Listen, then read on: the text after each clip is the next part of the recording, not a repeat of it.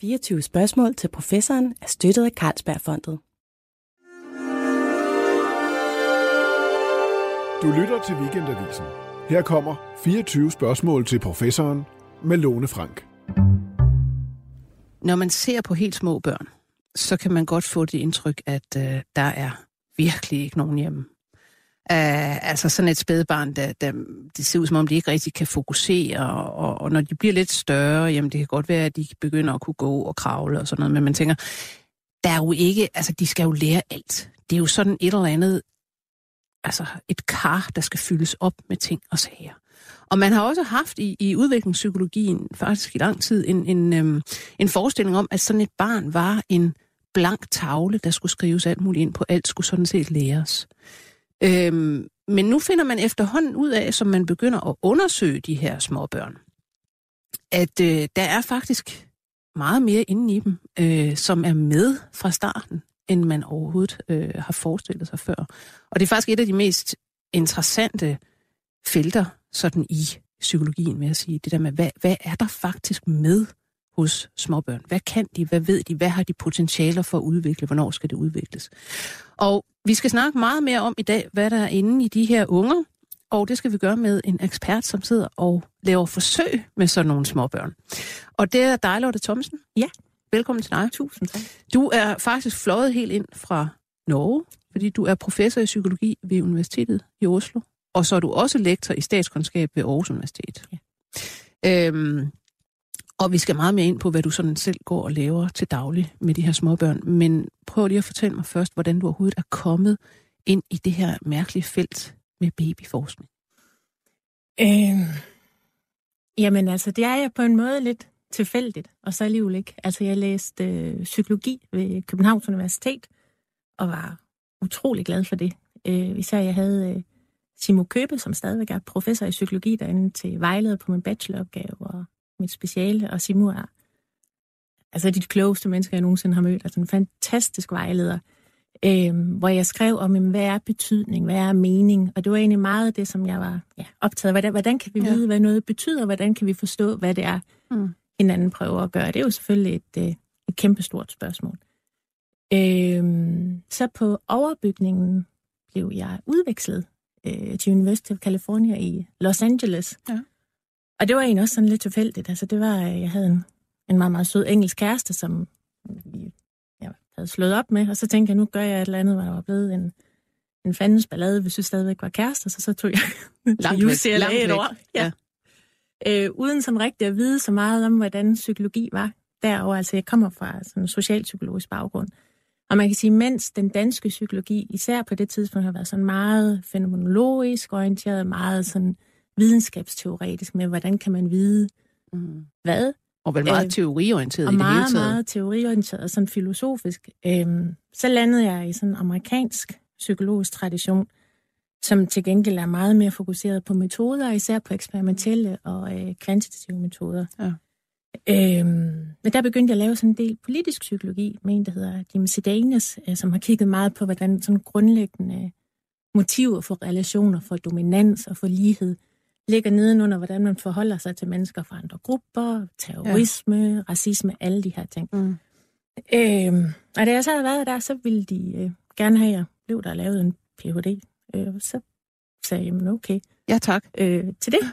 Øhm, og så blev de ansat på Harvard University, og tog mig og en anden studerende med sig. Øh, sådan så jeg endte med at tage min Ph.D. på Harvard University øh, i Boston. Og der er et meget, meget stærkt øh, udviklingspsykologisk øh, miljø. Altså det er der, også. hvor blandt andet Steven Pinker har siddet længe, ja. og øh, Elizabeth Spelke, som også laver masser af de her forsøg med, med små børn. Ja. Og Susan Carey, ja. som du så var hos. Ja, altså Susan Carey og Dim Sedanis og Steven Pinker var ligesom min dissertation øh, komité, dem som bedømte ja. min Ph.D. Og jeg vil lige sige øh. til lyttere, det er pænt store navn. det er i hvert fald også nogle meget, ja. meget spændende, øh, spændende mennesker. Man kan sige, det er jo... Øh, altså, det er sådan lidt ligesom sådan Disneyland for mm. nørder, at øh, ja. man kan snakke med folk, og så siger de nogle fantastiske ting, og så, så kan man tænke videre over det. Ja. Øh, I USA, når man tager en Ph.D., der skal man tage mange flere fag, end man skal i Skandinavien. Øh, sådan noget med at læse 1000 sider om ugen, og så skal man skrive en opgave, og så skal man læse 1000 sider til næste uge igen. Og et af de fag, jeg skulle tage, det var med Susan Carey om udviklingspsykologi. Øhm, og der skrev jeg så en opgave, mm. øhm, øh, som, hvor, hvor jeg argumenterede for, jamen altså på det her tidspunkt, der var der en masse, eller er en masse forskning, som siger, jamen vi er nødt til at, for at spædbørn kan lære noget om verden, så er de nødt til at have nogle forudsætninger. De er nødt til at vide, hvad de skal kigge på, fordi hvis alting bare strømmer rundt, mm. så er det meget, meget svært at forklare, hvorfor man, man er opmærksom på de ting, man skal lære. Det er simpelthen svært at forestille sig, at man skulle kunne lære alt det, som øh, mennesker skal kunne for at orientere sig i deres sociale virkelighed, hvis man slet ikke har nogen former for ja. øh, hvad det hedder, programmer med sig i virkeligheden. Jamen lige præcis. Altså, for man kan sige, altså man siger tit, men det er noget, man har lært, eller det er noget, man er blevet socialiseret til at forstå, mm. eller det er resultatet af en sproglig forhandling. Øhm, men på en måde, som siger, det er jo ikke noget svar at sige, at ja. der er noget, der er lært. Altså spørgsmålet er, jamen, hvordan kan man lære det? Ja. Så hvis man siger, jamen man skal lære et sprog, man skal lære, hvad de forskellige ting hedder, så kan vi pege på tingene, og det gør vi jo til de små børn, og siger, men det er en vandflaske, og det, det er en mikrofon. Mm. Men for at det lille barn kan forstå det, så skal du allerede vide, at det vigtige, mm. det er det, man peger på, Jamen, og bar... det er ikke fingeren. Præcis. Og, og barnet skal forstå, at man prøver at forklare det noget. Ja. Øh, og det vil sige, at for at kunne forstå det, så skal det allerede kunne forstå, jamen, der er et andet menneske, eller en agent, eller en aktør i verden, som har nogle mål, og som prøver på at kommunikere noget til mig. Så man siger, det er et eksempel på nogle, altså, nogle forantagelser, som man mm. er nødt til at have med sig for overhovedet at kunne lære det, som et, man skal en slags, lære. Man kan sige et slags program, eller en slags indlæringspotentiale, altså hvor, hvor man har et modtagerapparat, der ligesom er klar ja. til, det her ja. skal vi egentlig det her skal vi kunne lære. Lige præcis. Ja.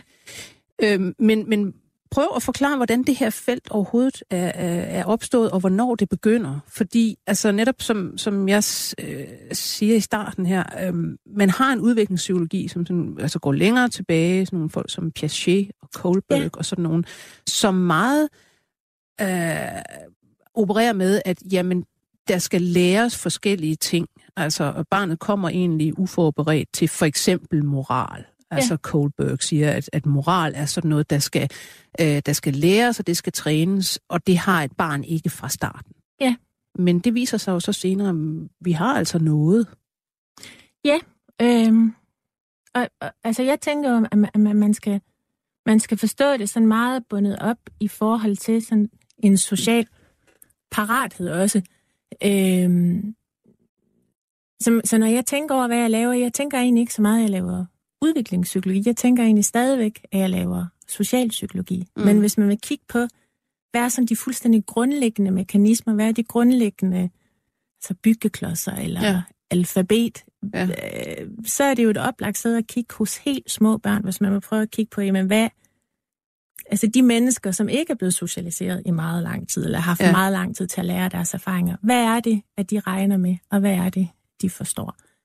Øhm, og som siger, noget af det, som sker i feltet, også er jo sådan stor opmærksomhed på, hvordan evolutionspsykologi, altså hvad vi ligesom har udviklet biologisk øh, i løbet af, af vores historie, på tværs af mm. arternes historie, hvordan det, det øh, falder sammen med, med kultur. Altså man kan sige, det ja. at mennesket er udviklet, mens vi lever i sådan nogle kulturelle fællesskaber. Det betyder jo, at at det handler ikke bare om øh, at kunne slå nogle dyr ihjel. Det handler om at kunne begå sig godt nok i de her kulturelle fællesskaber til, at man kan lære alt det, man skal lære af de andre. Fordi mm. det er umuligt for et enkelt menneske selv at regne ud, hvad skal jeg gøre for at få bytte, eller for at få mad, eller for at kunne forstå, hvordan jeg skal forholde mig til ja. andre mennesker, så længe de overhovedet gider ja. og lære mig noget. Øhm. Men jeg synes, vi skal prøve at, at kigge på simpelthen, hvad, hvad er der så sket i, i det her felt? Altså, ja. hvordan kommer vi væk fra den her forestilling om barnet som den blanke tavle, eller ja. karret, der skal fyldes op? Hvordan, hvad er det egentlig for nogle milepæle, der er i, i opdagelserne af, hvad, hvad kommer vi med? Ja. Øhm. Så, så, så vi kan prøve sådan at tænke på, jamen, okay, hvad er nogle af sådan de helt grundlæggende kernebegreber, kalder man det, Ja. øh, i feltet, som man ligesom må have med sig for, Mm. for at kunne forstå, hvad der fungerer i verden, eller hvordan verden den fungerer. Noget af det, man skal kunne forstå, det er jo, at der, at der er ting i verden. For Mm. eksempel, at, at, at ting hænger sammen, og de bliver ved med at findes, de opløser sig ikke lige pludselig, og selvom de bliver dækket til, så er de der stadigvæk. Øh, man skal også kunne forstå noget med, at andre mennesker, øh, eller andre levende ting, prøver at opnå, prøver at gøre nogle ting. At de har nogle intentioner, nogle simpelthen, Ja, ja. altså at de er intentionelle øh, væsner. Øh, og sådan en helt tidlig demonstration, og det er det faktisk Heider og Simmel, som lavede sådan nogle animationer i 1944. Jeg ved ikke, om du har set den film. Altså det, Med de man ser forskellige sådan nogle- nogle, trekanter Ja, og øh, som- runde øh, ja, cirkler og sådan noget, der kører rundt. Og, og lige så snart man ser det, altså man kan slå det op på internettet, mm. så er det umuligt ikke at se det som nogle ting, eller nogle levende ting, der prøver på at gøre noget. Så, så det er sådan en demonstration af, lige så snart vi ser noget, der bevæger sig af sig selv, så opfatter vi det som agenter, altså som levende på en eller anden måde.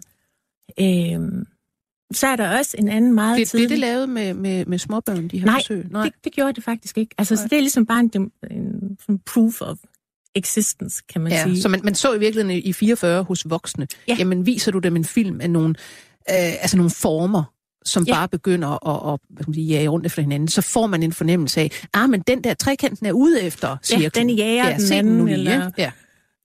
den må ikke være med, eller den bliver holdt Ja. ja. udenfor. Så, så, så vi har sådan en hel masse sociale forforståelser, som, som kommer Ja. ja. vældig let.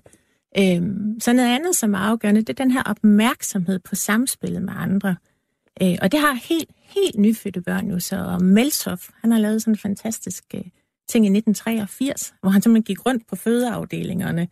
Dem kan man også se i de film på internettet. Og så de her helt små babyer, når man så laver altså rækker tungen til dem, så efter et stykke tid, så begynder de selv at række tungen tilbage. Så der er sådan opmærksomhed på at kommunikere sådan helt generelt. Vi kan også se, at helt nyfødte børn at ligesom scanner efter ting, Ja. der ligner ansigter. Så der er sådan en social...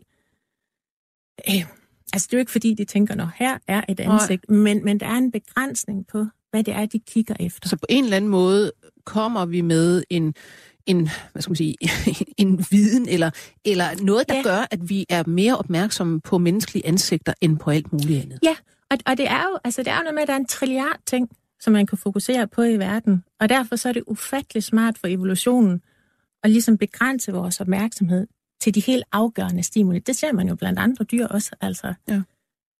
enderne, der imprinter på det, der er relevant, og så følger de efter det, som de tror er moren. Øhm, Ja, altså det er de der øh, gode gamle Konrad Ja, Lorenz, lige der lavede øh, forsøg i, i 60'erne, var det vel, eller 50'erne nærmest. Øh, I hvert fald langt tilbage, ja. Hvor han, øh, øh, han lod gæs blive udklækket af ægget, og enten så så de jo så deres gåsemor som, som det første, og fandt ud af, at jamen, det er så vores mor, og fulgte efter hende. Ja. Eller de så ham selv ja. som det første, han ja. har fjernet æggene fra moren. Og så hoppede de der gæs øh, rundt efter, efter Konrad Lige Lorenz, og, og, og gik egentlig efter ham sådan resten af livet, som om, at det var deres mor. Og det er jo sådan noget med, så er der sådan en kritisk periode, hvor man siger, okay, det som jeg kan se her, det er det, der er min mor, Mm. og så følger jeg efter, Ja. efter den. Øhm, okay, så det er sådan ligesom nogle af sådan af de helt grundlæggende ting.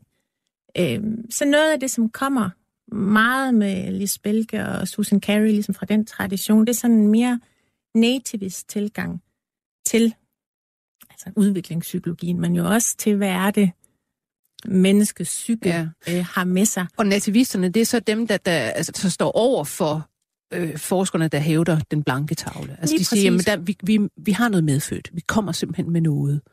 Og det vil vi så prøve at finde ud af, hvad, hvad er det egentlig, vi har med? Eller ja. Ja. hvornår, og også i hvilke faser i, øh, i barnets udvikling, at de forskellige potentialer opstår i virkeligheden. For der er jo også noget, man først kan på et bestemt tidspunkt. Øhm, så, så, så en del af den tilgang, det er at prøve at kigge efter, jamen, hvilke kernebegreber har vi, hvilket, og det er ligesom sådan nogle helt skeletagtige, medfødte begreber, så det er jo ikke, altså det er jo ikke et begreb på samme måde som uendelig eller øh, radiohus. Altså det, det er ligesom en idé om, hvad er de helt grundlæggende ting, man skal være opmærksom på for overhovedet at kunne lære noget. Og der er ting eller objekter et eksempel. Aktør, det vil sige en, som er prøver at opnå nogle mål, er et andet eksempel. Vi kan også se, at helt små spædbørn har en fornemmelse for antal også. Sådan, så hvis det for eksempel, hvis der er sådan to bunker øh, med noget, de godt kan lide at spise, så kravler de hen til den store bunke. Det er jo ikke mm. fordi, at de kan tælle, men de har en, en helt sådan skeletagtig fornemmelse for antal. Mm.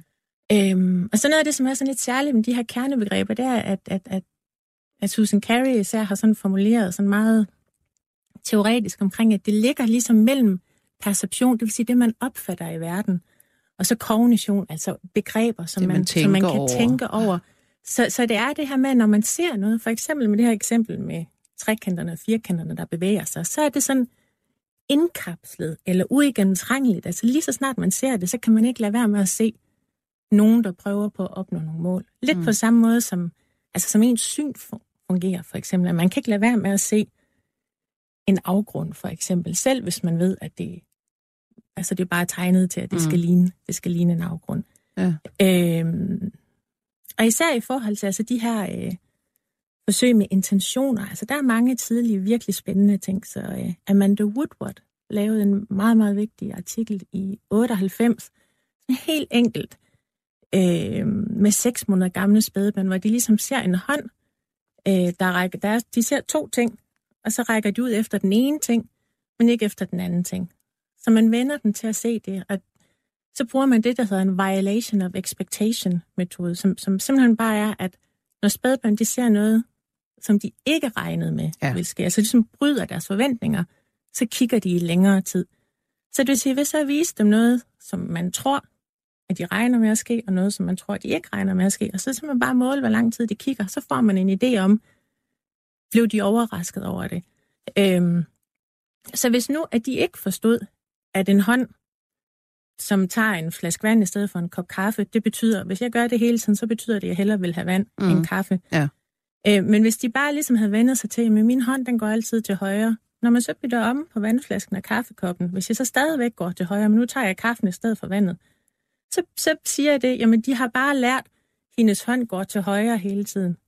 Men det bliver de overrasket over, hvis man bytter om på flaskerne, og jeg nu tager kaffe øh, i stedet for vand, det bliver de overrasket over. Hvis jeg i stedet for tager hånden til venstre, så jeg bliver ved med at tage kaffe, så bliver de ikke overrasket. Så det vil sige, at de har forstået, jamen... Det er vandet, hun vil have. Lige præcis. Og ikke kaffen. Og lige det er præcis. ikke noget med, at ja, hun, hun tager hånden til, vind, til højre eller til venstre. Ja, så det er sådan et eksempel på en forståelse af... Ja. Som man allerede kan se der på seks måneder. På seks måneder. Der fortalte du så lidt om, om, øh, om intentioner, ja. og hvordan man som seks måneder allerede faktisk godt kan opfatte en intention hos nogen, hvis man ser den et par gange eller nogle gange. Ja. Øh, er der andet i det her med, med øh, intentionsfeltet, som man, man også har fundet ud af? Men så vil sige, det næste, det er jo så ikke bare at forstå, at andre altså har intentioner, og de prøver på at opnå nogle mål, men at forstå, ligesom sådan en slags naturlig pædagogik, at andre faktisk prøver på at lære en noget. Øhm, og der har Meltoff igen lavet en øh, virkelig fin artikel tilbage i 86, hvor de, jeg mener, de var 14 måneder gamle, øh, spædbørnene, hvor de så kommer ind, og så ser de nogle ting, som de helt sikkert ikke har set før. Han viser den, han har blandt andet sådan en knap, der sidder på skrivebordet, og så sidder barnet på sin mors skød, mm. og så bukker forskeren sig ned og trykker på knappen med panden, øh, og så lyser der en pære op. Men man holder børnene sådan, så de ikke selv kan prøve det. Mm. Så kommer de tilbage en uge senere med moren, og så imiterer de det, han gjorde for en uge siden. Øhm, så det vil sige, at de imiterer sådan en helt ny slags mål, som de ikke har set før. Øh, det, er jo, det, er jo, det er jo tankevækkende, men, men det som Chibra og Gerkley, så det er nogle forskere, der sidder nede i Budapest på Central European University, øhm, så gjorde, det var, at de sagde, ja, men hvorfor efterligner de det her med at trykke på knappen med panden? Hvorfor, efter, hvorfor trykker de ikke bare med hånden på knappen, hvis de forstår, at det, at det er det, der er målet? Så ja. er der jo ikke nogen grund til at gøre det på sådan, på sådan en besværlig måde. Nej. Så det er det her med, om man imiterer rationelt, om man forstår, jamen, det er målet, der er det afgørende, og så kan man lige så godt gøre det så let som overhovedet muligt. Men det fatter de så altså faktisk ikke. De imiterer bare. Nej, det forstår de nemlig, fordi det, som Cheaper og Gerkley de så gjorde, det var, at enten så gjorde de helt det samme, som Melsoff han havde gjort i 83. At de sad og så en, som trykkede på knappen med panden. Øhm, og når de så kom tilbage, så gjorde de 14 måneder gamle børn også det. Eller også så så de forskeren, som ikke kunne trykke på knappen med sine hænder, fordi han sad og frøs og holdt et tæppe omkring sig, og så trykkede han på knappen med panden. Når de 14 måneder børn kommer tilbage, så trykker de stadigvæk på knappen, men nu trykker de med hånden. Okay. Så det vil sige, at de forstår, at målet er at trykke på knappen. Øhm, hvis de kan se, at der er nogen, der gør det på en meget, meget besværlig måde, og der ikke er nogen forklaring på, hvorfor de gør det på den besværlige måde, så antager de, okay, jeg forstår ikke, hvorfor man skal gøre det på den her måde. Det skal man åbenbart, så nu gør jeg det også. Og det er jo en situation, man tit er i, når man skal lære alle mulige mærkværdige kulturelle praksiser, at, at man gør det på en helt bestemt måde i ens bestemte kultur. Og hvis ikke der er nogen åbenbar grund til, at man skal gøre det på en mere besværlig måde, så antager helt små børn, at Nå, jeg forstår ikke hvorfor, men jeg er sikker på, at der er en god grund til det. Og så mm. efterligner det det. Men ellers, så går de bare direkte efter det, som de kunne se, man prøvede på at Så reglen er simpelthen, at man, man imiterer med mindre, at man får en fornemmelse af, eller kan se, øh, der er nok ikke nogen grund til at imitere. Og det vil sige, at de kan i virkeligheden allerede ret tidligt jo øh, altså regne, regne ret meget ud. Faktisk. Ja, altså, altså eller som, som, som startforudsætning imiterer man målet. Ja. Og hvis man kan se, at de gjorde det, der er en grund til, at folk gjorde det meget, meget besværligt, jamen så gør man det selv på en lettere måde, hvis man har mulighed for det. Hvis man kan se, at folk har gjort det på en eller anden mærkelig, kunstig, kulturelt specifik måde, og de, der er ikke nogen åbenlyst grund til, hvorfor man skulle gøre det sådan, så antager de, okay, de, er ved at, de prøver at lære mig noget, jeg antager, det er vigtigt, selvom jeg ikke forstår, hvorfor det er vigtigt. Mm. Men kan man så sige noget om for eksempel, hvornår det her med at kunne regne ud, at jamen, det, er, det er målet der, der er det vigtige, det er ikke hele måden, de gør det på. Altså, hvornår øh, går man fra kun at imitere, for som du siger, helt små spædbørn, de rækker tunge, når, mm. når du rækker tunge af dem. Så der må, der må være et vindue, øh, hvad skal man sige, hvor man egentlig kun bruger imitation, indtil at man så begynder at sige, ja, imitation er godt nok, men nu tænker jeg også lidt over det. Ja, men altså, så, så der er blandt andet en undersøgelse fra øh, med 12 måneder gamle babyer, også Cheaper og Gurgly, øh, som også er sådan en violation of expectation undersøgelse. Og, og der kan man se, at de har faktisk den her forventning om rationel imitation også. Så der ser de firkanter og trekanter, Altså, så de ser ligesom, der er sådan en stor firkant på en scene, og så kommer der en lille rund fyr, som hopper op over den store firkant, og så fortsætter hen over scenen. Så det vil sige, at i stedet for at gå lige, så hopper den, laver den et stort hop. Det er den nødt til for at kunne komme over firkanten. Øhm, så vender man børnene til at se det. Når, når man så kommer til testforsøgene, øh, så har man fjernet firkanten. Så så er spørgsmålet, regner de så med, at den lille cirkel bare går lige ud, eller regner de med, at den hopper på samme måde, som den gjorde før? Det gør de ikke. Så, så allerede der regner de med, jamen man går efter målet. Mm. Øhm, med mindre, at man kan se, hvorfor at, at man skulle gøre det på en mere besværlig måde. Så, så det ser ud som om, at det faktisk allerede ligger mm. som en forståelse af vores intentioner, men også den måde, vi reagerer på det. I øhm. hvert fald allerede som et år gammel. Ja, ja, lige præcis. Men gør man det generelt, når man laver de her forsøg med småbørn, at når man finder en eller anden... Øh, man finder en eller anden forudsætning eller en eller anden mekanisme, mm. som eksisterer. Lad os sige, man prøver første gang med, med 15 måneder gamle, øh, mm. halvanden, måned, øh, øh, hvad der, halvanden år gamle spæ- øh, børn, og så prøver man så måske med nogen, der er halvt så gamle, eller sådan for ligesom at indkredse, hvornår opstår det, for det er vel også ret interessant. Ja, altså det gør man, når man kigger også sådan efter, jamen, kommer der en forståelse online, som man siger, mm. forholdsvis pludseligt? Fordi ja. det, det tyder jo så også på, at der er nogle ting, der falder på plads, og så ligger det klart i stedet for, at det ligesom er sådan en langsom, ja. en langsom læringsmekanisme. Øhm, men samtidig så bliver man jo tit overrasket over, hvor sofistikerede nogle ting, der ligger også, også vældig tidligt. Øhm, hvis du skal pege på noget af, det mest overraskende, man har opdaget, sådan mm. netop ligger meget tidligt, mm. hvad skulle det så være? Øh, jamen altså, Kylie Hamlin og Karen Wynn og Paul Bloom, som øh, Kylie var på Yale på det tidspunkt sammen med, med Karen og Paul Bloom, øh, lavede en meget, meget vigtig serie forsøg, hvor de viste, jamen det er ikke bare, at helt små børn, de forstår intentioner. De forstår også, om folk eller ting trekanter og cirkler prøver at hjælpe nogen med at opnå deres mål, eller om de prøver at forhindre dem i at opnå deres mål. Og baseret på det, øh, har selv helt små spædbørn også sociale præferencer.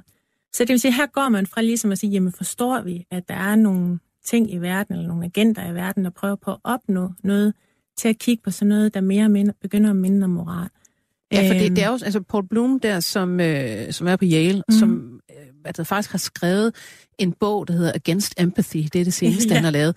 Øh, men han har, også, han har også lavet en helt bog om simpelthen om de her øh, babyforsøg, øh, som hedder Just Babies, øh, og hvor han meget går ind i, hvad, hvad er det, de har med, og også specielt af moral, fordi han er meget interesseret i, i udvikling af, ja. af moral og de følelser og, og den kognition, der indgår i det. Ja.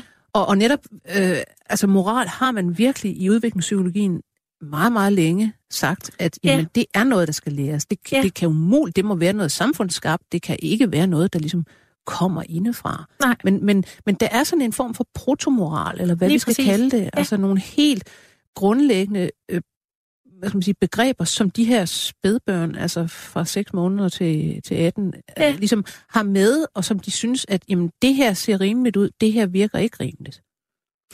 Ja, altså så, så, så det Kylie, hun gjorde til hendes øh, Ph.D.-afhandling, og det var jo noget af det, som så var i gang, mens jeg var overvejet i gang med at lave min egen Ph.D. Ja. Det var, at det hun gjorde, det er, hun, man ser sådan en tegneserie af en bakke, så ser man en lille cirkel med øjne og mund, som prøver at kravle op ad bakken. Der er ligesom sådan en øh, afsats midt på, hvor den kommer op, og så kan den ikke helt komme det sidste stykke op. Og så ser den enten en trekant for eksempel, som kommer op fra bakken og skubber den ned igen, eller den ser en firkant, som kommer ned fra bakken og hjælper den skubber den op på toppen af bakken. Øhm, og det viser man så spædbørnene igen og igen og igen og igen og igen og igen, indtil de kigger væk. Øhm, sådan, så man har en fornemmelse af, at nu har de forstået, hvad ja, der, der foregår. Nu har de virkelig set det her ja. mange gange. Øhm, I sådan en anden... Ja, altså, det kan man også gøre som et dukketeater. Det var egentlig den vigtigste undersøgelse, de lavede, hvor de ser helt det samme, men nu er det et dukketeater, hvor de ser det. Efter de så har set det, så rækker man den trekant, som kom op fra toppen af bakken og skubbede cirklen ned, og den firkant, som kom ned fra bunden af bakken og skubbede cirklen op, så får de små børn valget mellem dem, så de kan række ud efter trekanten, eller de kan række ud efter firkanten. De kan række ud efter den, ja. der hjælp en anden med at opnå sit mål, eller de kan række ud efter den, som forhindrede en anden i at opnå sit mål. Og det, som Kylie hun så viste, det var, at så rækker de alle sammen ud efter den, der hjælp hinanden med at opnå sit Og det mål. tolker man så som, at de foretrækker den? Ja, altså det er sådan lidt sådan babyversionen af, hvem, øh, Hvem holder du med? Hvem synes du er okay? Ja, hvem opsøger du? Øh, ja. Eller hvem vil du, hvem vil du købe en brugt bil af? Eller, altså, det er sådan helt, helt basal, øh, ja. Altså, det er sådan en form for præference, som man Lige siger, præcis. at det ser ud som om allerede, når de er, hvad, seks måneder? Ja, altså, sagde den, altså så ja. den første artikel, som kom ud i Nature i 2007, altså der viste de det ned til fem måneder. Men faktisk siden han viste nogle, nogle lignende ting helt ned til tre måneder. Ja. Øhm, så der har de simpelthen allerede en præference for dem, der hjælper, frem for dem, der forhindrer. Ja, altså sådan, sådan har de i hvert fald fortolket det, og ja. de har vist det på mange forskellige måder, også men, altså, med nogle mm. dukker, hvor den ene smækker låget i, og den anden åbner låget, ja. sådan så den i midten kan, ja. kan få noget op af dukke, de så helst have, igen, Lige de så helst have den, der hjælper. Ja. Øhm, og senere mener jeg også, de har foretaget forsøg, der ligesom øh, tyder på, at hvis man så giver sådan småbørn mulighed for at, at, at også at agere i sådan nogle forsøg, så foretrækker de faktisk også, øh, at, at hvad skal man sige, agenter, som ikke opfører sig ordentligt, altså som forhindrer nogen i noget, jamen de bliver straffet. Ja, så, så det er så nogle af de ting, som kommer senere. Mm. Øhm, og, og, det, og det er et godt eksempel på, hvordan, hvordan de her babyforsøg, altså hvordan man ligesom sådan skal se dem i sådan en større kontekst i forhold til, jamen, man kan sige, det store spørgsmål inden for, sådan for evolutionspsykologi og men også biologi, det er, jamen, hvordan kan det lade sig gøre at udvikle altruisme? Hvordan, hvordan mm. kan det lade sig gøre, at, at, vi, at der er mennesker eller, eller dyr for den sags skyld, som hjælper andre? Hvordan kan det være, at de ikke bare bliver udkonkurreret, hvis det bare er, ja. er de stærkeste, der vinder? Øhm, og man siger, det kan jo kun fungere i et fællesskab, hvis det faktisk er sådan, at dem, som, som snyder de andre, bliver, straffet. straffet. Øhm, og det leder jo så helt snævert frem til den her hypotese med, jamen er det så sådan, at man ikke bare foretrækker dem, som hjælper andre, øh, men man foretrækker dem, som straffer nogen, som tidligere ikke har hjulpet Ja. andre. Og det, de viser der, det er, det er i 2011, at 500 gamle spædbørn, de kan bare bedst lide dem, som hjælper andet. Mm. Men når man er 8 måneder, øh, så har man allerede den her mere selektive forståelse. Så forstår man også godt konceptet straf. Altså, og at, Ja. at dem, der ikke gør det, vi foretrækker, de skal bør faktisk straffes. Ja. Interessant. Otte måneder har vi allerede den, det koncept helt klart. Øhm, så skal jeg så sige, at det er ikke alle, der har kunnet replikere Mm. øh, Kylie's resultater.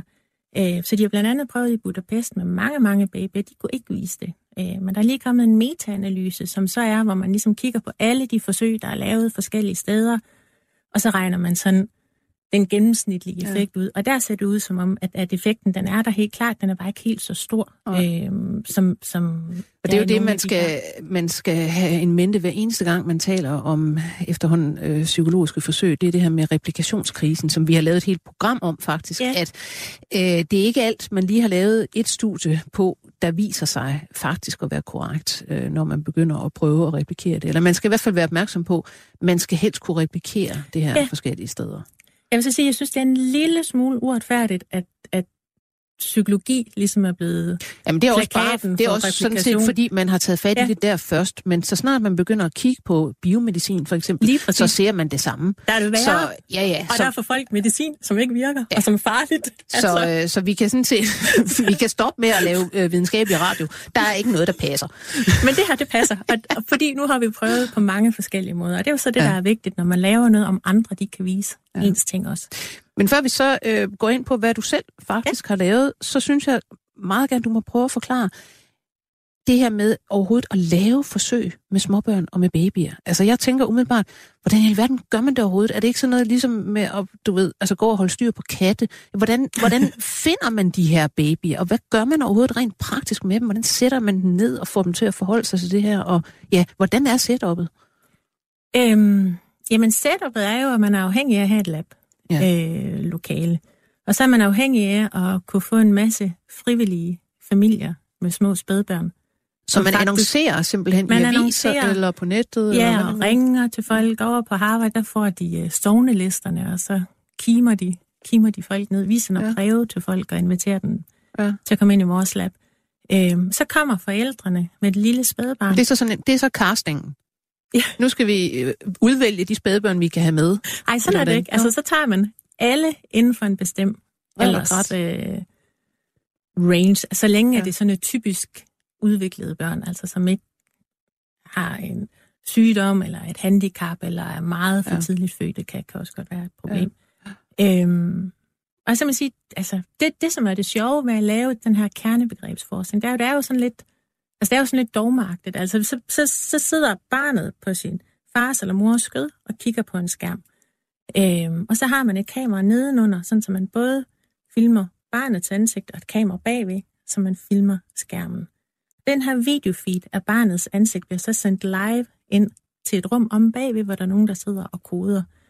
Og så sidder man simpelthen og trykker på en knap, når barnet kigger på skærmen, og giver slip, når barnet det kigger væk. Øhm, og det gør man sådan, som man kan sige, hver gang barnet har kigget væk i to sekunder, så er det færdigt med det, og så går man videre til det næste, som kommer i forsøget. Og det gør man, fordi at, altså, det er forskelligt, hvor hurtigt at spædbørn altså lærer ting, eller bliver trætte af at se på ting. Og på den her måde, så kan spædbarnet selv styre, hvor mange gange det ser tingene igen, før man så går til testtrialsene, hvor man så viser den det, som man tror, de regner med, og det, som man tror, de ikke regner med. Altså det, igen, det, det lyder som, jeg kan næsten ikke forestille mig, hvordan det skulle virke. Altså de, de sidder de ikke tit og hyler og, og bliver umulige. Og... Jo, altså det er der jo nogen, der gør. Mm. Øhm, men jeg vil sige, når, når man...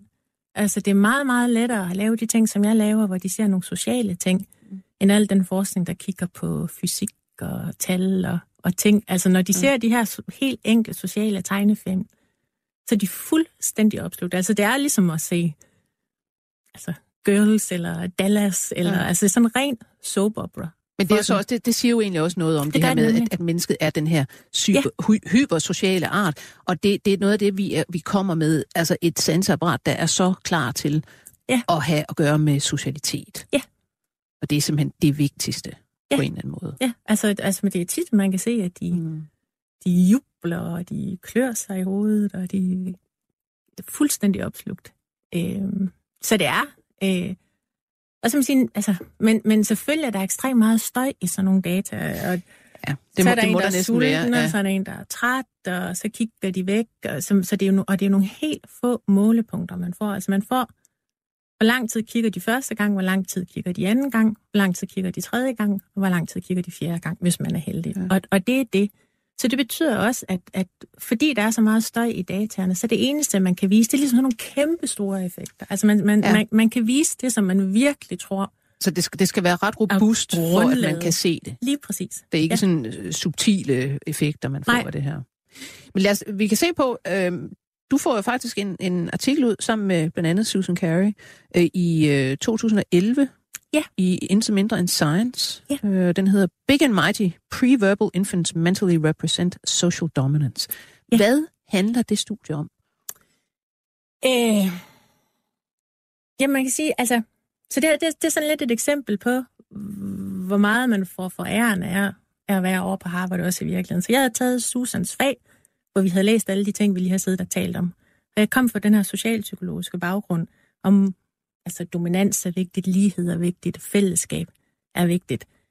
Øhm, og så tænkte jeg, jamen, altså, det er ikke nok at forstå, at der er agenter, der prøver at opnå ting i verden. Fordi selv hvis man ved, at der er to folk, der prøver på at opnå noget, så ved man ikke, hvad relationen er mellem dem.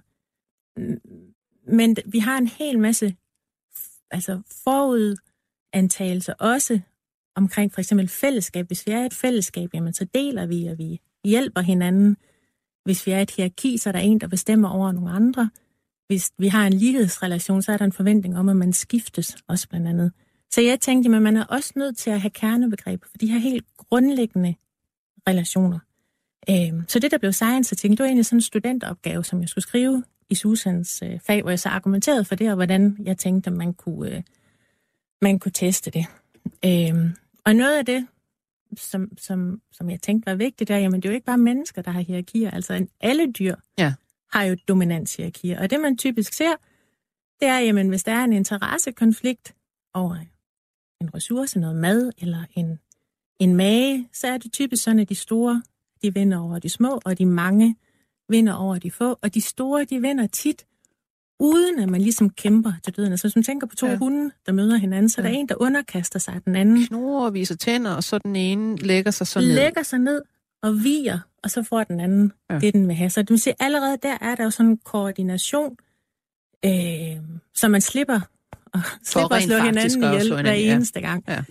Øh, så det er sådan et eksempel på et kerneudgreb, som det giver utrolig god mening skulle være udviklet evolutionært, så vi kan se det hos andre dyr også, og som har en afgørende altså adaptiv øh, det, er, det er en fordel, ud, ud, overlevelsesfordel, så derfor kører det videre. Ja, lige præcis. Altså at, at kunne, kunne vide, hvornår kan man kæmpe, og hvornår man, er nødt til at mm. trække sig. Ja. Øhm, så det, det er et godt eksempel på, så, så startede vi der med, at det er en relation, som jeg tror, spædbørn, de forstår. Mm. Øhm, og det vi så gjorde, det var, at vi igen viste dem de her enkle tegnefilm. Og grunden til, at man bruger de her helt enkle tegnefilm med firkanter, trekanter og cirkler, det er jo også, altså dels er det lettere at, at animere, men, mm. men, men, men den altså, videnskabelige grund er, at man, man forsøger at vise spædbørnene nogle ting, som de ikke har set i deres eget daglige liv. Altså det er ikke så interessant, at altså, når man er et år for eksempel, så kunne man måske godt have lært, at man far vinder altid over mor, eller omvendt.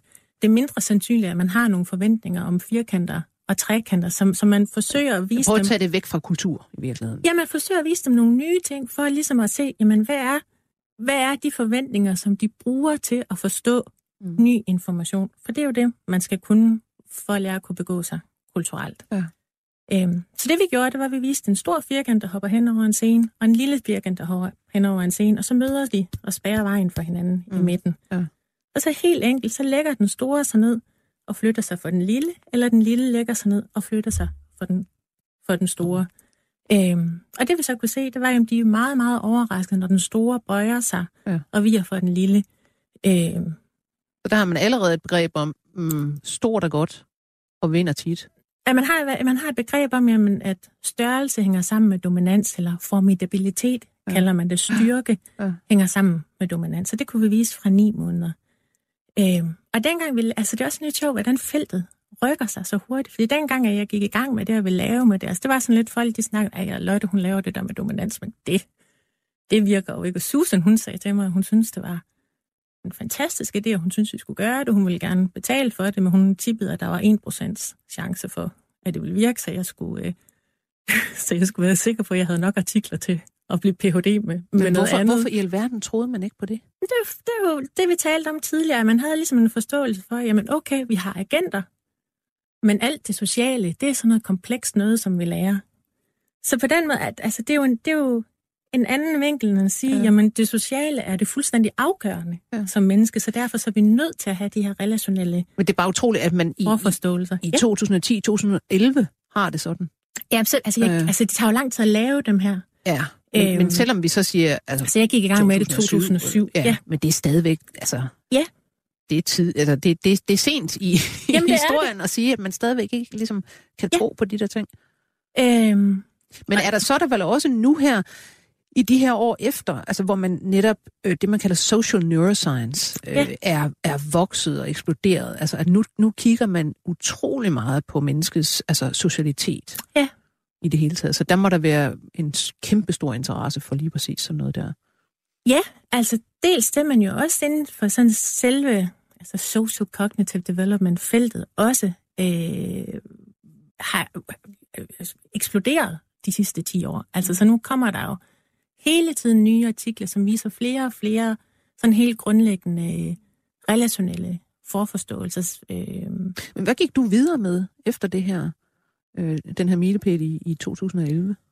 øh, altså skal vi snakke om, hvad jeg lavede, eller skal vi Ja. snakke om nogle af det, de andre Jamen, jeg synes, også at vi lavede? meget gerne vil høre, hvad, hvad du selv har lavet. Altså, du er jo faktisk lige kommet med en artikel ja. nu her, øh, som kom ud i Nature, så vidt jeg ved. Ja, Ja. Nature Human Behavior, så Ja. det, er ikke, det er ikke helt så fint som Men, Nature. men stadigvæk. Altså, og den, den bygger sådan set også Ja, lidt på det her fra det gør den. 2011. Altså, Så der har egentlig været vældig mange sådan helt snævre follow-up-forsøg til den her 2011-artikel.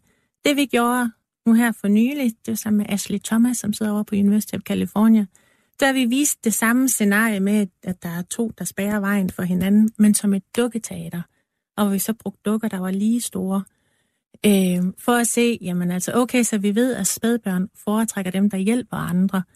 Øh, og det er jo, man kan sige, det er jo ligesom sådan den rosenrøde øh, version af menneskets ja. natur, men, men, men det er jo også fuldstændig åbenlyst, at, at der ligger nogle mørkere ting også, og det ved vi jo så også fra socialpsykologien, altså hvor, hvor vigtige, men også hvor problematiske sådan nogle dominansmotiver er. Øhm, men, men altså hvis man sådan tænker, tænker på det sådan fra et lille barns synspunkt, som skal prøve at finde ud af, hvem skal jeg Hold med. Hvem skal jeg skal jeg være opsøge? gode venner med? Hvem vil jeg gerne være på hold med? Som siger, hvis der er nogen, som har høj social status, så betyder det jo typisk, at de har adgang til ressourcer, de har viden, eventuelt kompetence, som de kan dele med en, og de har mulighed for at beskytte en også. Det er jo noget, som er rigtig fint Mm, at, at, at mm. være på hold med dem. Så, så Ja. det var det, vi ville se på. Jamen, er det sådan, så små børn foretrækker dem, som er dominant, eller i hvert fald, som har høj status? Og det vi først viste, det var, at når de ser det her dukketeater med to, som spærrer vejen for hinanden, og så bukker og føjer den ene sig for den anden, men det er vigtigt, at, at, at vi, altså vi har gjort det ligesom, at man ser med hunden, ikke? at den ene lægger sig ned og flytter sig og viger, før at det bliver til en slåskamp. Ja. Når de ser det, jamen, så rækker de alle sammen ud efter den, som den anden bukkede sig for. Det vil sige, de rækker ud efter den, som har høj social Ja. status. Øhm, men samtidig så kan man jo også sige, jamen, jamen noget af det, som er anderledes ved sociale hierarkier blandt mennesker end, end, end andre dyr, det er, jamen det er jo ikke bare rå styrke, der afgør en sociale status. Det er jo lige præcis også, altså, hvad man kan, den viden, Mm. man har, den prestige, man har, den anerkendelse, man har. Øhm, og, og sådan et godt tegn på sådan en anerkendelse eller prestige, det er jo lige præcis som andre, de anerkender en. Ja. Hvis, hvis man selv synes, at man, man er højt på strå, men der er ingen andre, der anerkender det, man siger, så har man ikke nogen social status. Øhm, så spørgsmålet er, om helt små børn også forstår det. Så det her, det er toårige børn, som vi, ja. som vi øh, testede. Øhm, så i en, det næste forsøg, der viste vi den næsten det samme, men i stedet for, at den, der taber selv, bukker sig og føjer sig, så bliver den slået væk af den, som vinder. Det vil sige, at den bruger fysisk magt, ja. og så kommer den igen på tværs af over scenen, sådan, så den opnår sit mål. Og det er jo sådan mere sådan, altså rå magt. Ja, der ser man, der ser, babyerne ser på magtanvendelse. Lige præcis. Ja. Og så får de igen valget mellem de her to mm. agenter. Og nu undgår de alle sammen den, eller næsten alle sammen, mm. den som mand, øh, og vælger i stedet for den, øh, der tabte eller der blev skubbet ja. væk.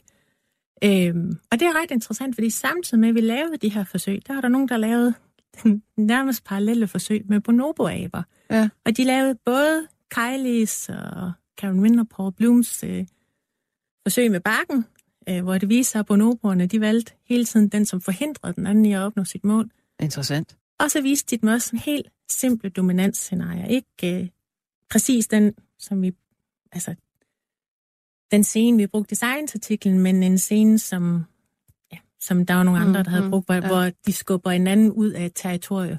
Og det, man kunne vise, altså det, de så der, det var jo, at bonoboaberne vælger altid den, der er den dominante, også når den bruger rå magt til at få sin vilje.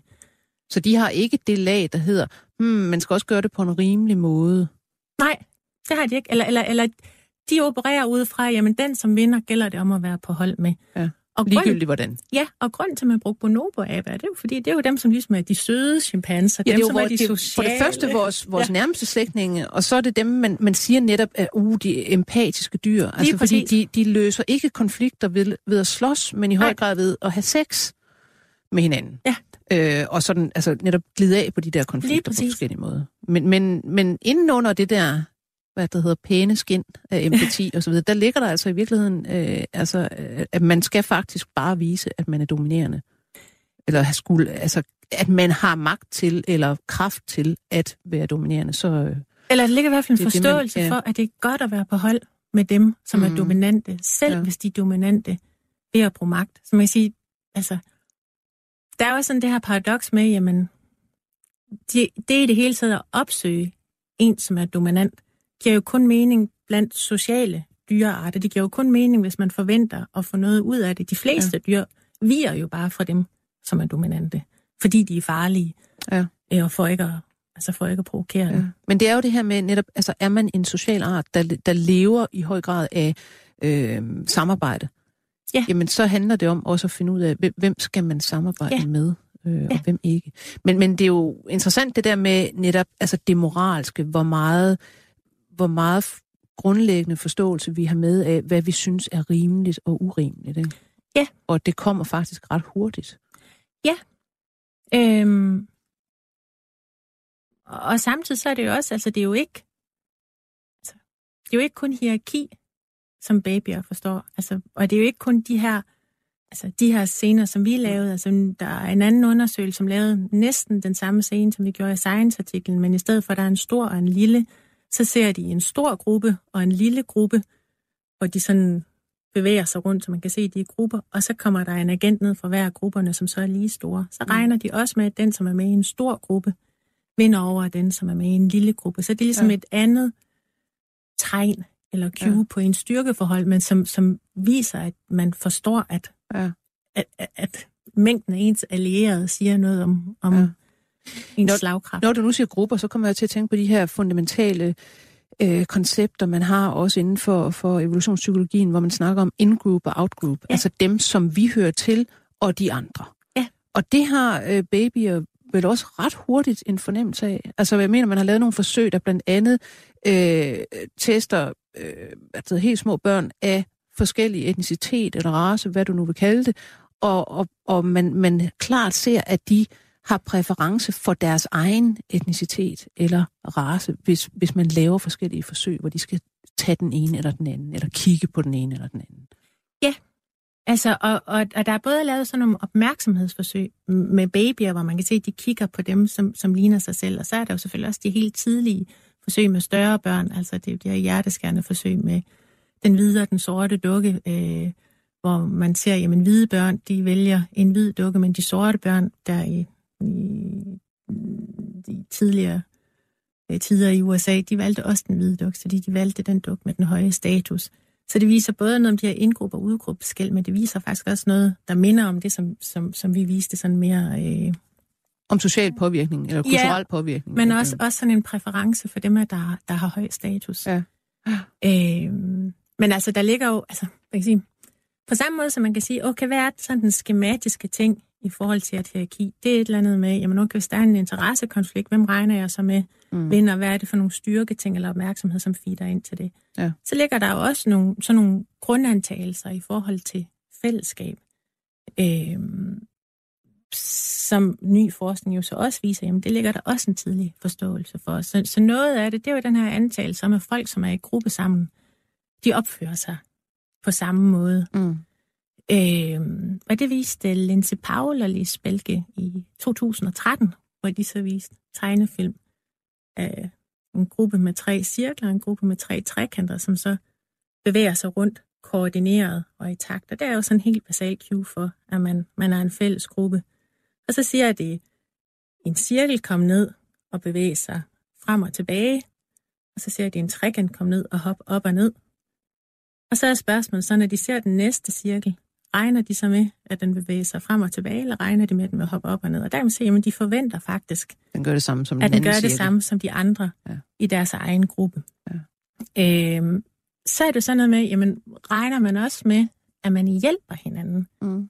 inden for den samme gruppe. Og det er faktisk helt ny forskning, der først lige er kommet nu i 2017 og 2018 af René Bachet Bayajon mm-hmm. over på University of Chicago.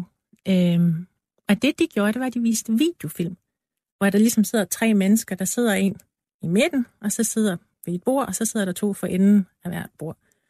Øhm, og så siger hende i midten, jeg er en SIF, så ligesom en helt arbitrær, som kunstig betegnelse, ligesom at sige, jamen jeg er dansker, eller jeg er mm.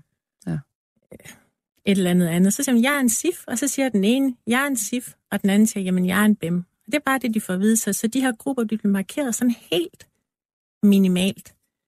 Øhm, og så sidder i testtrialsene, så sidder den ene nede for enden af bordet og prøver på at nå en knap eller et glas vand eller et eller andet, som hun ikke kan nå, som hun rækker ud efter. Øhm, og så, åh nej, jeg kan ikke nå den, og den anden er gået sin vej. Og så siger hun, jeg kommer tilbage lige om lidt. Så nu sidder den i midten alene. Den i midten kan godt nå det her glas vand, som hende nede for enden af bordet ikke kunne nå. Så tager hun enten en knap eller vand, som hun ikke kunne nå, og sætter hen til hende, så hun kan nå det, eller hun gør ingenting. Og det man så kan se, det er, at når de her små børn, de er 14 måneder, mener jeg, øh, har fået at vide, jamen de er begge to ciffer, så bliver de overrasket, hvis hun ikke mm. sætter det hen, så hun kan nå det, når hun kommer tilbage. Så hvis man tilhører den samme gruppe, bør man hjælpe hinanden? Lige præcis. Men hvis hun har fået at vide, at hende, der ikke kunne nå, var en bem, og hun selv er en sif, så bliver de overrasket, hvis hun prøver at hjælpe den anden. Det er så, meget, meget tidligt, at man har en, ja. en fornemmelse af, at vi hjælper dem, der er ligesom os. Vi behøver ikke hjælpe dem, der ikke er ligesom os. Lige præcis. Og så må jeg sige, at det her det er sådan nogle helt, og er det ikke kunstigt, der siger det egentlig noget om, øh, hvad fællesskaber faktisk er. Det er jo, og, og det er jo selvfølgelig klart, at et, et rigtigt levet fællesskab i verden, der er der jo alle mulige andre ting, som feeder ind. Men det, som de her ting, de fanger, det er jo sådan, hvad er de sådan helt grundlæggende, skematiske hypoteser, som børnene de bruger for at forstå, hvad der foregår i verden. Ja. Og der kan vi jo se, at de er opmærksomme på fællesskab, de er opmærksomme på hierarki, og de er faktisk også opmærksomme øh, på lighedsrelationer eller retfærdighedsrelationer. Øh, Jamen, øh, således opmuntret. Øh, småbørn og babyer er faktisk ikke helt blanke tavler, og der, der er nogen hjemme derinde, og de har allerede en, en, en udmærket forståelse for rigtig mange ting. Lotte Thomsen, tusind tak, fordi du kom. Det var en fornøjelse. Professor i psykologi ved Oslo Universitet og lektor i statskundskab ved Aarhus Universitet. Vi var produceret af Ninette Birk, og jeg, Lone Frank, siger på genhør. 24 spørgsmål til professoren er støttet af Carlsbergfondet.